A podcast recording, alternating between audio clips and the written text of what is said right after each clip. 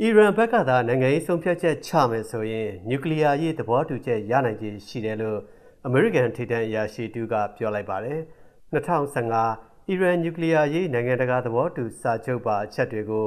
ပြန်လည်လိုက်နာဖို့လမ်းကြောင်းကိုအမေရိကန်နဲ့အီရန်ကြားလာမယ့်သတင်းပတ်တွေအတွင်းမှာပဲသဘောတူညီချက်ရနိုင်တယ်လို့အမေရိကန်နိုင်ငံသားရေးဌာနအဆင့်မြင့်ရရှိသူကပြောလိုက်တာပါ။သဘောထားကိုယ်လဲမှုတွေနှစ်ဖက်ရှိနေပေမဲ့အရင်ဘုံသဘောတူချက်ပြန်ရရေးလက်တွေ့ဖြစ်လာဖို့ကတော့ အီရန်ဘက်ကစလုပ်ရမှာပါလို့အမည်မဖော်လိုတဲ့ဒီအမေရိကန်ရရှိကတယ်လီဖုန်းကတဆင့်သတင်းစာရှင်းလင်းပွဲအတွင်းမနေ့ကပြောခဲ့တာပါ။အီရန်နျူကလ িয়ার ရေးနိုင်ငံတကာသဘောတူချက်ကနေသမ္မတဟောင်းဒေါ်နယ်ထရမ့်လက်ထက်2018ခုနှစ်မှာ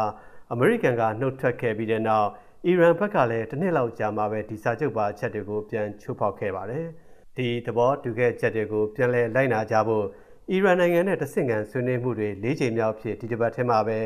အမေရိကန်တာဝန်ရှိသူတွေကအော်စတြီးယားနိုင်ငံဗီယက်နာမြို့မှာလုပ်ခဲ့ကြပါတယ်ခင်ဗျာ။